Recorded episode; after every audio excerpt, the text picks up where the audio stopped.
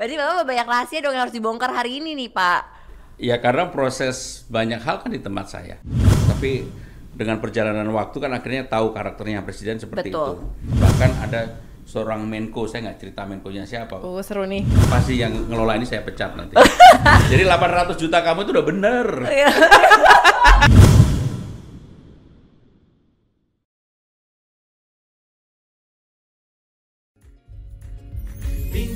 Bincang-bincang seru di podcast kabinet dan setiap mari dengarkan diskusi hangat dan berayun.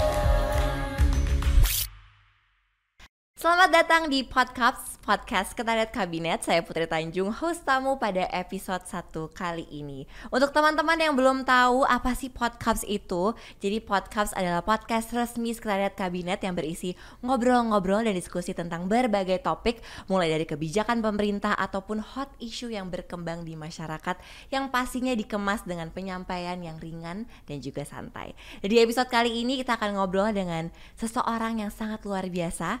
Seringkali kita lihat mendampingi Bapak Presiden di setiap kesempatan. Beliau adalah Menteri Sekretaris Kabinet Republik Indonesia yang telah menjabat dua eh, periode. Beliau juga pernah menjadi Wakil Ketua DPR untuk periode 2009, 2009 sampai 2014 dan terpilih menjadi anggota DPR empat kali berturut-turut sejak tahun 1999.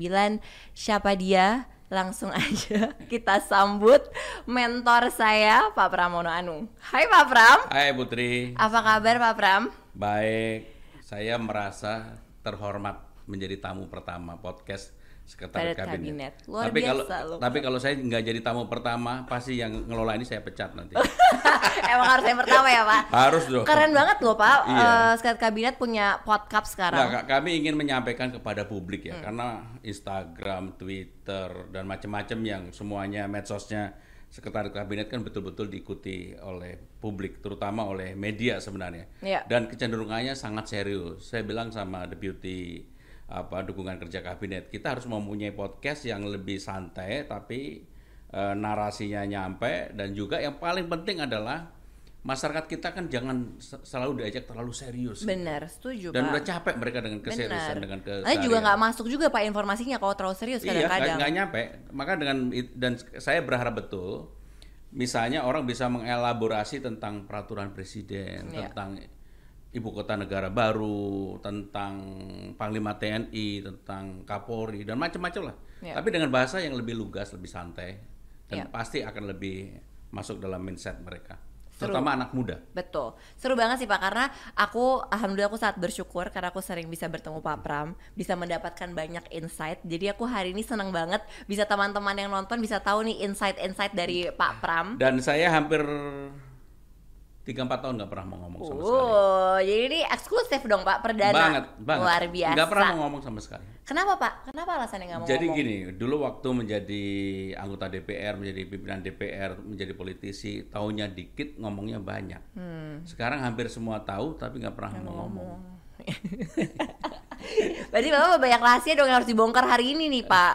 Ya karena proses banyak hal kan di tempat saya. Iya, Jadi betul. saya eh, lebih baik nggak ngomong lah, karena Ya. udah tahu duluan dan nggak mau berspekulasi. Dan itu juga menjaga Hmm.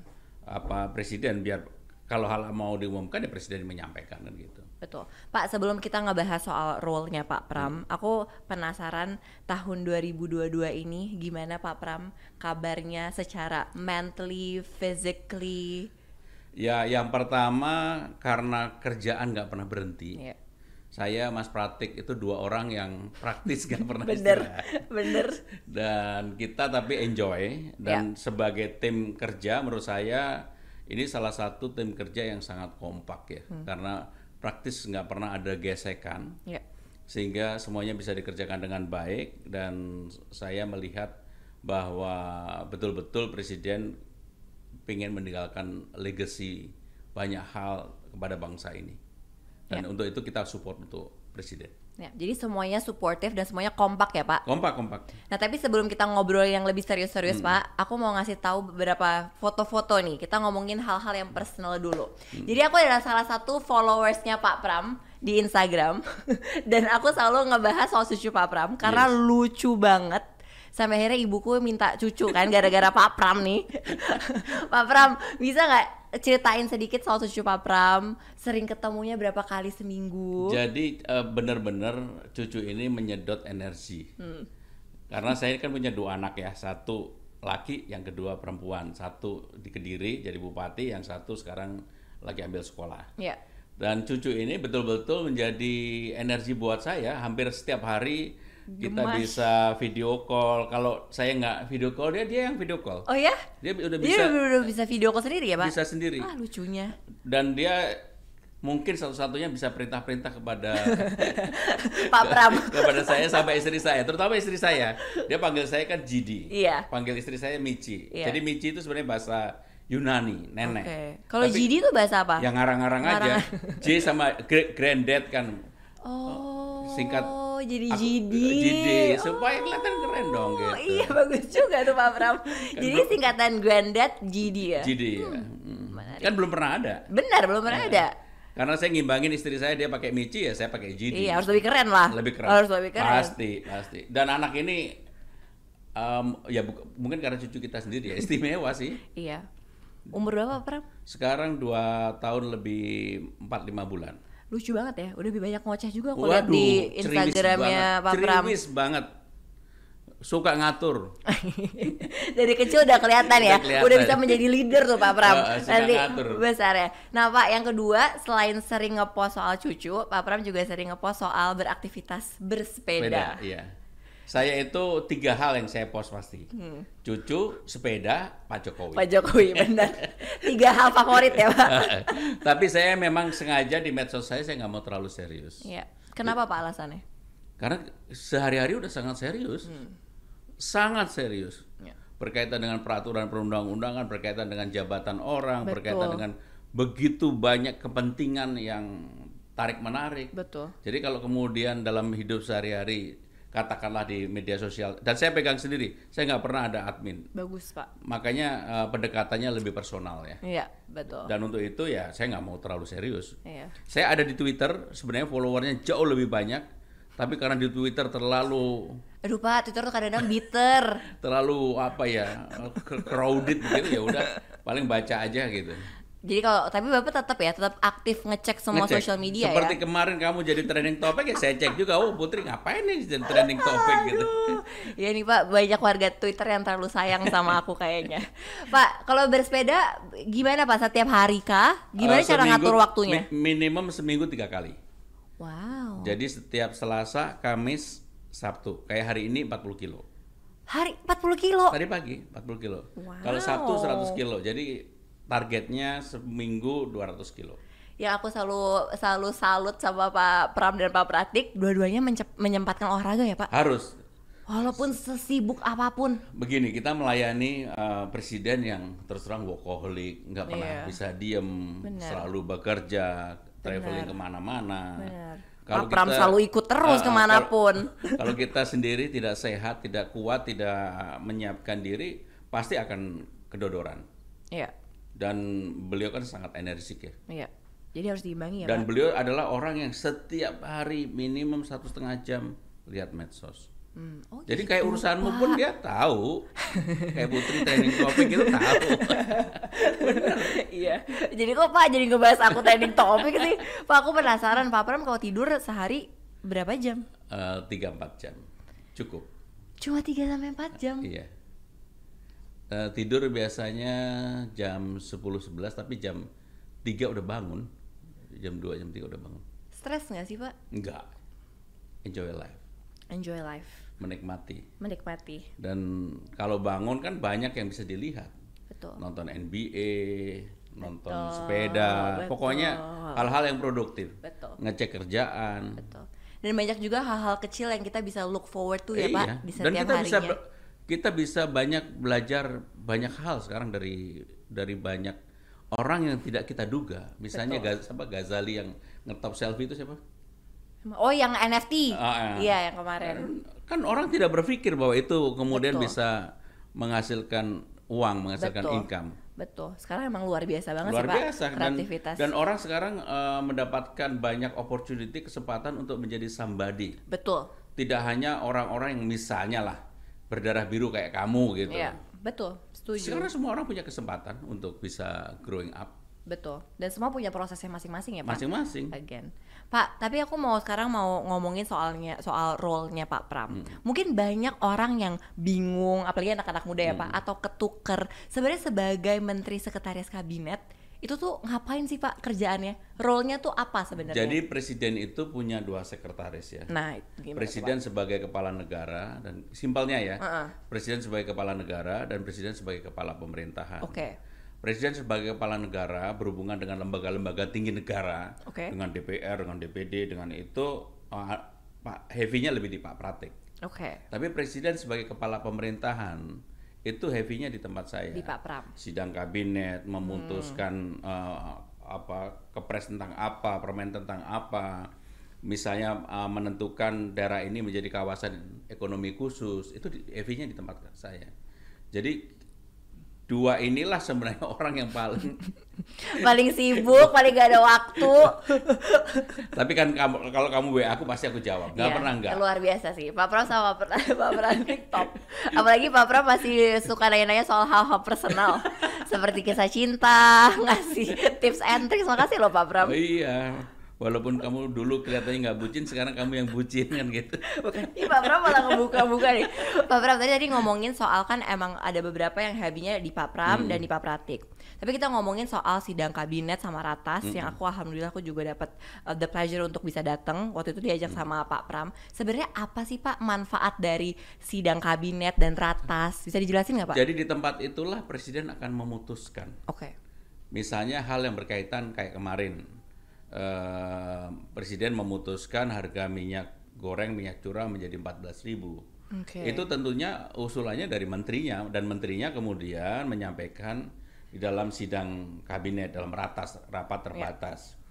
Begitu presiden memutuskan itu menjadi sebuah hal yang mengikat secara peraturan perundang-undangan pun ada payungnya karena sidang kabinet itu ada risalahnya. Oke. Sehingga suatu hari kalau ada gugatan dipetunkan dan sebagainya, maka eh, kita punya landasan untuk itu. Oke. Jadi semua keputusan di sidang kabinet, termasuk mulai dari urusan vaksin, urusan evaluasi ppkm, itu semuanya oleh presiden diputuskan dalam sidang kabinet. Nggak ada yang Di tidak sidang dipu- itu ya Pak? Iya, karena itu karena itu menjadi kekuatan kabinet Ya. untuk memutuskan dan mungkin Pak Jokowi ini presiden yang paling banyak rapat dibandingkan dengan yang lain. Sama dengan semua presiden ya Pak? Sa- dibandingkan semua presiden karena dulu kan saya lihat risalah-risalah rapat dan sidang-sidang yang dulu Ya. biasanya rapatnya itu seminggu hanya sekali Ya.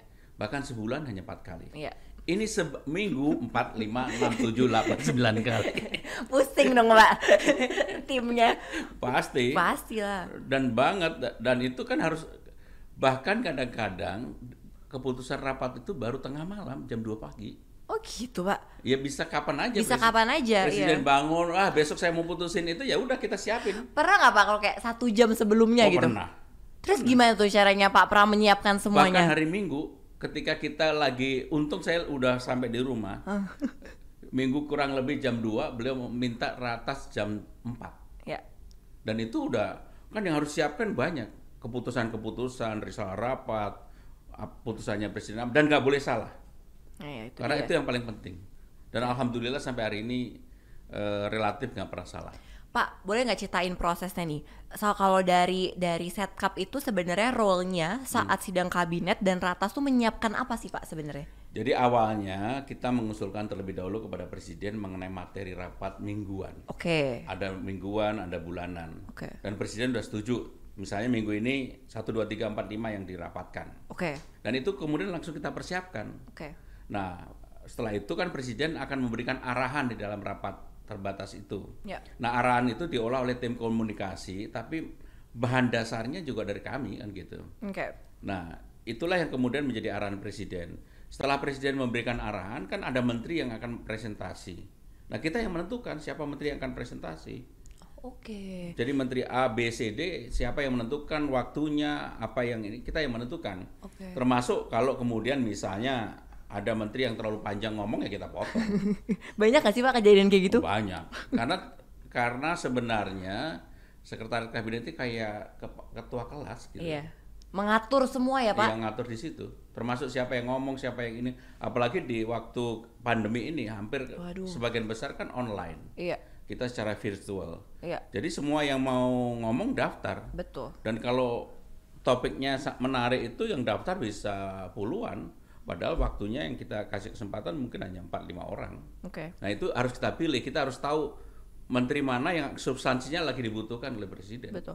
Pak, berarti topik-topik dan isu-isunya itu based on priority. Ba- Based on priority. Oke, dan itu juga dari Pak Pram yang Dari menentukan. Kita, dari kita yang menyampaikan kepada presiden every week. Wow. Oke. Every week. Dan itu topiknya bisa berubah-ubah. Iya. Tergantung perkembangan sosial politik. Iya. Misalnya kayak mi- minggu lalu itu berkaitan dengan IKN. Iya. Kita harus siap, presiden harus menyiapkan itu kan. Dan menteri yang ditunjuk harus menyiapkan itu dah. Kita konsentrasinya di IKN. Minggu ini tadi misalnya. Iya. Tadi kita tentang insentif eh, untuk mobil dan juga untuk perumahan. Iya. Karena daya beli masyarakat sekarang belum 100% pulih, maka pemerintah memberikan insentif kepada eh, auto eh, pada mobil dan pada perumahan. Mobil diberikan PPNBM eh, gratis selama enam bulan. Iya. Dan it- itu kan sebenarnya untuk meningkatkan daya beli, purchasing powernya masyarakat. Gitu. Betul. Pak, berarti kayak proses ketok palunya Hmm. itu biasanya berapa lama sih Pak untuk satu kebijakan atau satu keputusan Jadi dari Pak satu Presiden? ratas itu kita alokasikan waktu satu jam. Oke. Dan presiden adalah eh, presiden yang nggak seneng basa-basi, Ya. nggak seneng menterinya ngomong terlalu lama. Yang penting adalah substansinya apa dan apa yang harus beliau putuskan. Oke. Bagi menteri-menteri yang baru pasti akan kesulitan menyesuaikan. Tapi dengan perjalanan waktu kan akhirnya tahu karakternya presiden seperti Betul, itu. Dan betul. sekarang rata-rata ya udah mereka presentasi cuma 3 4 5 menit, kemudian eh, minta arahan presiden mana yang Hmm. Langsung. diputuskan gitu. Oke, Jadi mereka juga harus bisa adaptif Oh, ya harus, Pak, harus, harus, adaptif banget harus. sesuai dengan Sebab kalau enggak, style Pak Presiden. Uh, uh, sebab kalau enggak ya percuma jadi pembantu presiden kemudian egonya mau menonjolkan dirinya nggak bisa. Bener-bener. Nah, Pak Pram tadi kita udah, udah ngomongin banyak soal role-nya Hmm. Pak Pram, bedanya juga sama Pak Pram dengan Pak Pratik dan segala macamnya. Pak, tapi aku pingin ngomongin soal yang agak lebih ngomongin soal leadership. Hmm. Kalau Pak Pram sebagai seorang leader, leadership style Pak Pram tuh seperti apa sih? Eh, gini, Kayak tegas ya Pak ya?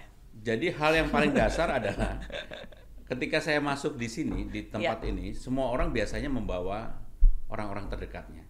Saya sama sekali tidak membawa orang terdekat saya untuk ikut mengatur urusan substansi. Nggak ada satupun. Ya. Karena saya mempercayakan bahwa sebenarnya semua orang itu bisa diberdayakan kapasitasnya, bisa eh, digali leadernya, selama kita bisa percaya dan kita tahu orang itu eh, kita percaya. Maka saya jujur ya, saya selama dua periode ini saya praktis didukung penuh oleh internal birokrasi di lembaga ini. Karena apa? Karena saya nggak bawa orang. Ya. Yang kedua saya percaya dengan mereka. Ya. Yang ketiga setiap proses pasti saya tahu. Ya. Jadi Yang- Bapak hands on banget ya? Iya, yang paling penting juga dengan kesibukan nggak mungkin semuanya bisa dihandle detail. Betul. Surat-surat yang masuk setiap hari itu hampir 300 400 surat. Nggak kebayang. Saya kan punya wakil sekretaris kabinet. Ya. Dalam hati saya ngapain gue baca? Udah se- wakil sekretaris kabinet suruh baca, suruh buatin memo. Iya. Yang penting ujungnya decisionnya Pram. ada di tempat saya. Gitu. Itu namanya leader. Ya, betul. Bisa delegasi juga ya, Pak? Bisa, bisa. Pak, tapi kalau leadership style ke anak-anak muda pasti beda dong ke Iya. yang udah lebih senior dan ke anak-anak muda seperti kayak aku gitu. Aku juga sebenarnya di bawahnya Pak Pram. Hmm. Nah, itu gimana Pak caranya? Enggak, yang paling penting adalah proses interaksi antar generasi itu harus terjadi. Ya. Saya termasuk yang memberikan kepercayaan penuh pada misalnya dengan anak saya. Ya. Anak saya umur 28 tahun udah jadi bupati. Ya. Hal yang tidak direncanakan karena saya nggak setuju dia jadi bupati. Ya. Tapi karena ya panggilan keadaan akhirnya singkat cerita di- dia jadi bupati. Saya bilang sama dia, saya nggak akan ikut campur urusan kamu. Kamu harus putusin sendiri. Ya. Tapi yang penting kisi-kisi ini yang harus kamu lakukan yang paling ditakutkan orang tua kalau punya anak pejabat begitu apa korupsi Iya. nah itu prinsip gitu Betul. jadi proses interaksi itu terjadi dengan anak juga Iya. Dan juga aku juga merasa dengan leadership style Pak Pram kan tadi mempercayai sama anak muda kayak misalkan aku waktu itu Pak pengen bikin pahlawan digital, pengen bikin rumah digital Indonesia dan segala macamnya, Pak Pram mem- mem- mempersilahkan, mendukung, tapi memberikan beberapa value-value yang harus aku ingat. Contoh yang sederhana aja lah, ini podcast ini nggak akan terjadi kalau apa sekretaris kabinetnya nggak open mind, Betul. nggak bisa, Betul, Pak. pasti nggak bisa, karena betul. apa? Kan mau rubah sedikit tradisi di dalam, Betul. Kalau nggak akan tercipta inovasi ya, Pak. nggak akan. Iya. Makanya saya juga bilang sama semua apa eselon di sini, mereka juga harus sadar terhadap medsos. Sekarang ini zaman sudah berubah. Iya, betul. Orang tidak membayangkan sekarang kita dengan virtual pengen beli tanah misalnya di mana Chicago atau main golf secara virtual Iya. lawannya ada di negara antah berantah kita disuruh bayar fee-nya. Inilah kehidupan kita sekarang Iya.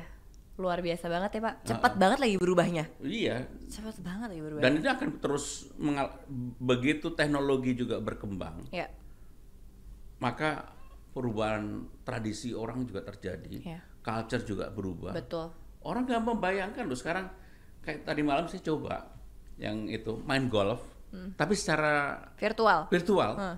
Lawannya ada di Afrika Selatan, satunya lagi di Chicago. Seru nggak sih, Pak, tapi? Ya seru. Ya tapi ya nggak seseru secara Yang langsung, Iya, tetapi iya. kan itu menjadi pengalaman baru. Bener-bener experience yang baru ya, Pak Hmm. Bram. Pak, tapi ngomongin soal kayak pengalaman baru, semua perubahan baru, dan selama karir Pak Pram yang udah sangat panjang ini, Hmm. apa sih Pak satu value yang Pak Pram selalu pegang yang nggak pernah berubah? Gini, orang itu sebenarnya diuji dalam perjalanan waktu. Ya, Orang kalau terbiasa menghitung uang kecil, dia tidak akan pernah menghitung uang besar. Tapi Oh, orang kalau bagus. terbiasa menghitung uang besar, dia akan mempunyai kecakapan untuk menghitung uang besar. Artinya, orang kalau terlalu detail sesuatu hal yang sempit dan narrow, dia akan di sini terus, ya, nggak akan besar. Tetapi kalau orang terbiasa spektrumnya luas, dia akan melihat uang dari cara ngitung uang aja udah sebenarnya orang akan bisa ketahuan. Kamu kalau misalnya dengan sopir dengan ini uang receh-receh aja kamu hitung, kamu nggak akan pernah akan naik kelas menjadi menghitung uang besar. Jadi jangan biasakan untuk ngitung receh. Wuh, bagus. Jadi 800 juta kamu itu udah bener. Iya. Waduh, Pak ini bener-bener deh. Iya Pak, nah Pak ngomongin soal itu, pas banget nih topik selanjutnya adalah ngomongin soal social media ya Pak. Iya. Kadang-kadang kan Pak ya, social media itu banyak positifnya, tapi juga ada beberapa Hmm. negatifnya. Pasti banyak hate speech, orang nggak ngerti full konteksnya, terus abis itu tiba-tiba ya bikin hal-hal nyinyir-nyinyir dan segala macam. How do you handle criticism, Pak Pram? Yang pertama kalau kita masuk dalam sosial media nggak boleh baper. Itu harus dihilangkan. Yang kedua, suka mau nggak mau, suka nggak suka, ketika kita sudah tahu kita harus apa ya membuat literasi media, mem- memberikan pengajaran kepada publik Iya. untuk itu Ya, dengan cara-cara yang gampang. ya, Nah, sekarang ini sosial media kan begitu maju ya, dan begitu bebasnya. ya. Orang mau kritik apa saja diperbolehkan. Betul. Tetapi yang menjadi menjadi problem adalah ketika orang kemudian dia tidak belajar bahwa ada rambu-rambu yang harus dia patuhi, ada rambu-rambu yang harus dia ikuti. Iya. Apa aja tuh Pak ada rambu-rambunya? undang-undang misalnya tentang ITE misalnya lah. Iya. Banyak orang yang terkena persoalan hukum karena dia melanggar itu gitu ya. Iya. Dan itulah yang menjadi kemudian mereka menyalahkan pemerintah dianggap melakukan eh, represi, dianggap eh, memberikan tekanan kepada kelompok oposisi, padahal bukan, bukan itu. Kan banyak sekarang ini yang head speech yang mereka lakukan Betul. sendiri. Betul. Dan sebenarnya kalau apa kita baca dalam satu komentar itu head speech-nya pasti ada. Pasti. Dan itu Pasti. sebenarnya bisa dipersoalkan secara hukum, tapi ya nanti penjaranya penuh. Iya, capek lah Pak. Jadi kalau kalau ada head speed gitu kita nikmati aja. iya. Nah Pak, berarti emang Pak Pram pernah dapat kayak pesan-pesan dari haters gitu? Oh iya, karena kita berada di samping presiden, urusannya misalnya lah, urusan bukan urusan kita, urusan tentang keluarga presiden pun kita dibawa-bawa. Iya. Padahal kan nggak ada Hubungannya ya, nggak ada Pak. hubungannya, tapi ya kita harus menjadi dewasa untuk melihat itu. Pak kasih tips and tricks dong gimana cara kita bisa menghandle seperti itu yang perta haters. yang pertama kalau kita di crowd yang terlalu haternya terlalu nggak ada batasnya lebih baik kita nggak masuk Oke. karena kita bersosial media itu kan untuk menambah teman menambah relasi menambah kawan menambah jaringan Iya. dan saya termasuk orang yang eh, empat kali terpilih menjadi anggota DPR tanpa ya. biaya Wow. karena saya mem- tanpa biaya yang tinggi karena saya memanfaatkan sosial media Iya. dengan sosial media dengan networking eh, nggak terlalu dibandingkan dengan yang lain ya Iya. saya biaya saya kecil Iya. dan saya yakin sampai kapan pun maju di dapil itu pasti saya akan kepilih Wish, luar Karena- biasa. karena jaringannya udah terbentuk Betul. Dan kita selalu rawat gitu Iya. Iya. Karena Pak Pram udah ngebentuk itu ya Pak, udah Oh, dan ngebentuk itu udah kan- lama, prosesnya dan panjang. investasi panjang Iya betul prosesnya panjang. Jadi kalau kita menggunakan social media intinya harus bijak ya Pak. harus bijak dan juga harus tahu eh, nggak semua harus komentari Eh setuju banget Pak. Itu nggak setuju semuanya banget. harus komentari Betul. Kadang-kadang komentar di hati aja ya Pak. Iya. Karena kalau komentar itu bisa melukai banyak orang loh. Bro, kenapa sih ketawa-tawa? lihat sana Pak Pram, Yes. tadi Pak Pram kan bilang saking deketnya dan ke mana-mana sama Pak Presiden, sampai bahkan urusan keluarga dan segala macam Pak Pram juga suka dikomentarin-komentarin. Pak, aku mau ngomong soal relationshipnya Pak Pram sama Pak Presiden. Ada nggak sih Pak kayak momen yang sangat spesial yang Pak Pram nggak pernah bisa lupain sampai sekarang yang Pak Pram alami sama Pak Presiden? Jadi eh, Bapak Presiden ini kan kalau perjalanan jauh nggak bisa tidur. Oh gitu ya Pak? Ah, dan beberapa kali karena ibu nggak mendampingi, kalau ibu nggak mendampingi kan saya pindah ke depan. Heeh, jadi Pak Pram yang mendampingi. Ini perjalanan pernah satu ke London, satu ke Abu Dhabi. Wah, lah Kebayang jauh dong. Aduh, lama Jakarta, banget. Abu Dhabi itu 9 jam Iya. lebih pakai BBC belum. Iya.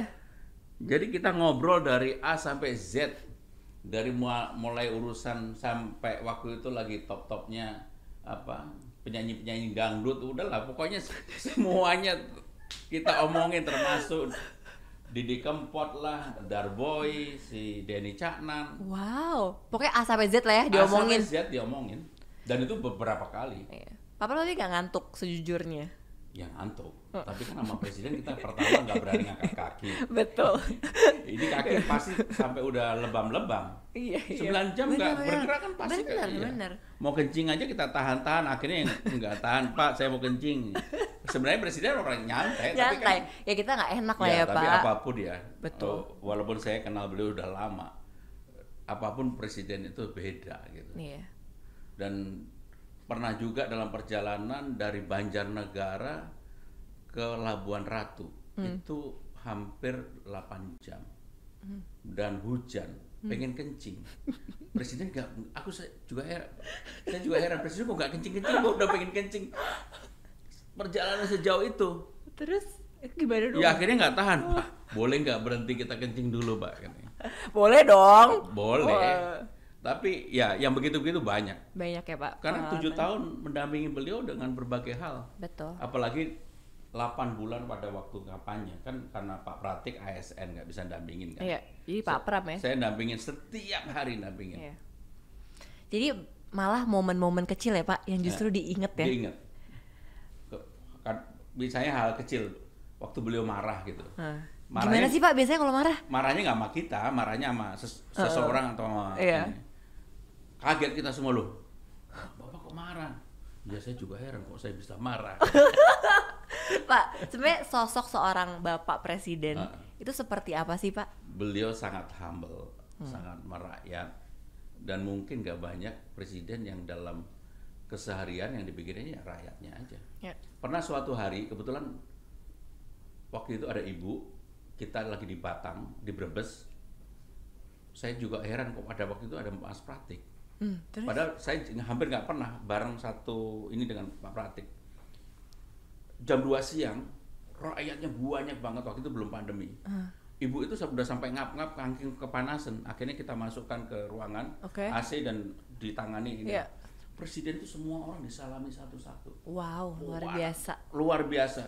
Luar Saya sama. Pak Pratik nemenin sebentar gantian keluar masuk keluar masuk keluar masuk. Hebat banget tahan. sih Pak Presiden. Dan itu kalau nggak pakai sih. hati nggak bisa. Bener. Capek pasti Pengalaman Pak. lagi waktu di Jambi dengan suku Talang Mama. Eh. Itu sudah hampir maghrib. Kita pakai helikopter harus balik ke Jambi. Kita udah ingetin beliau, Pak, ini waktu nggak memungkinkan. Eh, beliau salamin lagi orang 5000 ada. Hebat sih. Suku orang dalam beliau salamin satu-satu. Ya. Akhirnya masuk itu udah sebenarnya udah nggak boleh terbang, udah jam 6. Ya. Eh, Dan pas pampresnya udah bilang ini nggak boleh terbang, tapi kalau kita nggak mungkin tengah hutan. Iya. Akhirnya terbang dan dan yang begitu-begitu banyak Banyak ya. Pak, tadi kita udah ngomongin soal eh, Bapak Presiden. Nah, tadi kan Pak Pram udah bilang kalau Pak Pram adalah ketua kelas. Ribet gak sih Pak ngurusin menteri-menteri Pak? ribet banget. tapi eh, gini, kita harus ada waktunya tegas, tapi Ya. harus ada waktunya juga ada toleransi. Oke. Misalnya sebagai contoh, kalau sidang kabinet paripurna itu yang sebulan sekali, menteri siapa pun mau Menko mau siapa minta izin saya nggak akan kasih, Oke. karena memang presiden juga meminta untuk semua menteri hadir di Oke. sidang kabinet paripurna. Bahkan ada seorang Menko, saya nggak cerita Menkonya siapa, Oh, seru nih. baru terbang mendarat di New York. Terus Pak? Kemudian ada sidang kabinet paripurna, dia minta izin untuk nggak ikut. Saya bilang nggak, Nggak harus bisa. ikut. Pulang? Eh, pulang. Daripada nanti Pak Menko, saya nggak nyebut namanya ya, Iya, iya. lah. Iya, benar. Daripada nanti eh, saya nggak akan kirimin surat undangan lagi loh. Jadi, Jadi disiplin sidang- ya Pak? Ya untuk sidang kabinet paripurna saya biasanya mau siapa aja pasti nggak. Hmm, Oke. Tapi kalau untuk rapat terbatas, jadi bagi yang menteri yang akan presentasi, dia tetap harus ada. Tetapi yang bukan yang menjadi main topiknya menjadi ininya, oke, diizinkan untuk anu. Boleh lah. Boleh. Jadi, sehingga kita juga harus tahu itu, harus kapan. Tegas banget, disiplin ya Ya. Pak. Kapan bisa? Karena kalau minta izin ke presiden, diizinkan. Saya bagian galaknya nggak apa-apa lah. Iya nggak apa-apa. Ya Pak Pram lumayan galak sih. Orang mau nggak seneng juga nggak apa-apa. Iya bener Pak Pram, ini Hmm. dua pertanyaan terakhir Karena kita udah ngobrol panjang juga Pak Pram, apa harapan Pak Pram untuk Indonesia Hmm. ke depannya Khususnya tahun 2045 Atau lebih spesifik lagi ada nggak Pak harapan untuk sekretariat kabinet Pak untuk Jadi yang pertama untuk Indonesia terlebih dahulu Oke, ya. Semua lembaga-lembaga dunia mau IMF, World Bank maupun yang uh, seperti McKinsey itu akan memprediksi Indonesia di tahun 2035-2045 karena bonus demografi Iya. dan juga karena kekayaan alam dan juga karena demokrasinya itu akan menjadi the big five ya, apa negara dunia. ya, Dan untuk mencapai itu tentunya eh, bukan sesuatu yang mudah, harus momentumnya terjaga. ya, Sekarang ini dalam pemerintahan Pak Jokowi 18 bulan terakhir ketika pandemi hampir 1 2 tahun inilah. Sebenarnya kita memperoleh banyak sekali manfaat dan keuntungan karena kita bisa mereform eh, birokrasi kita. Tetapi yang tidak kalah pentingnya adalah kita jadi tahu mana yang menjadi keunggulan Indonesia. ya, Baru sekarang ini neraca perdagangan kita surplus. ya, Dulu ketika sebelum pandemi kita itu negatifnya dengan Cina sebagai contoh. 17 miliar US dollar. Sekarang ini udah hampir kita surplus. Artinya apa? Artinya bahwa negara ini udah on the right track. Ya. Kita dengan Amerika kita surplus, dengan India surplus, Ya. dengan Cina tahun depan pasti udah surplus. Contoh lagi yang sederhana. Ketika kita memutuskan untuk menghentikan ekspor batu bara, ternyata seluruh dunia goncang. ya, Karena mereka ternyata bergantung banget sama batu bara kita sama kita sering kali kita menjual diri kita terlalu murah. Nah itulah yang kemudian eh, kenapa eh, orang melihat bahwa kita on the right track, misalnya palm oil dan turunannya itu membuat ekspor kita. Kalau dulu Ya. kita kan sangat bergantung pada raw material. ya, Sekarang presiden selalu ngomong hilirisasi, hilirisasi. ya, Harus ada edit value-nya baik itu nikel, timah, eh, boksit dan macam-macam. Dan kenyataannya ternyata memang misalnya co- contoh nikel lah. Itu edit value-nya 20 kali. ya, Dan sekarang ini neraca perdagangan kita sangat sehat. ya, Kita kan di- diprediksi eh, dengan pandemi ini apa kita akan mengalami krisis. Ternyata sampai hari ini nggak pernah ada krisis ya. dan nggak pernah ada eh, persoalan kelaparan yang masif di tingkat grassroots ya, karena bansos kita juga sangat banyak sehingga harapan saya terhadap bangsa ini demokrasinya harus dijaga. Amin ya. Eh, kalau mau berantem ya berantem saat pemilu saja.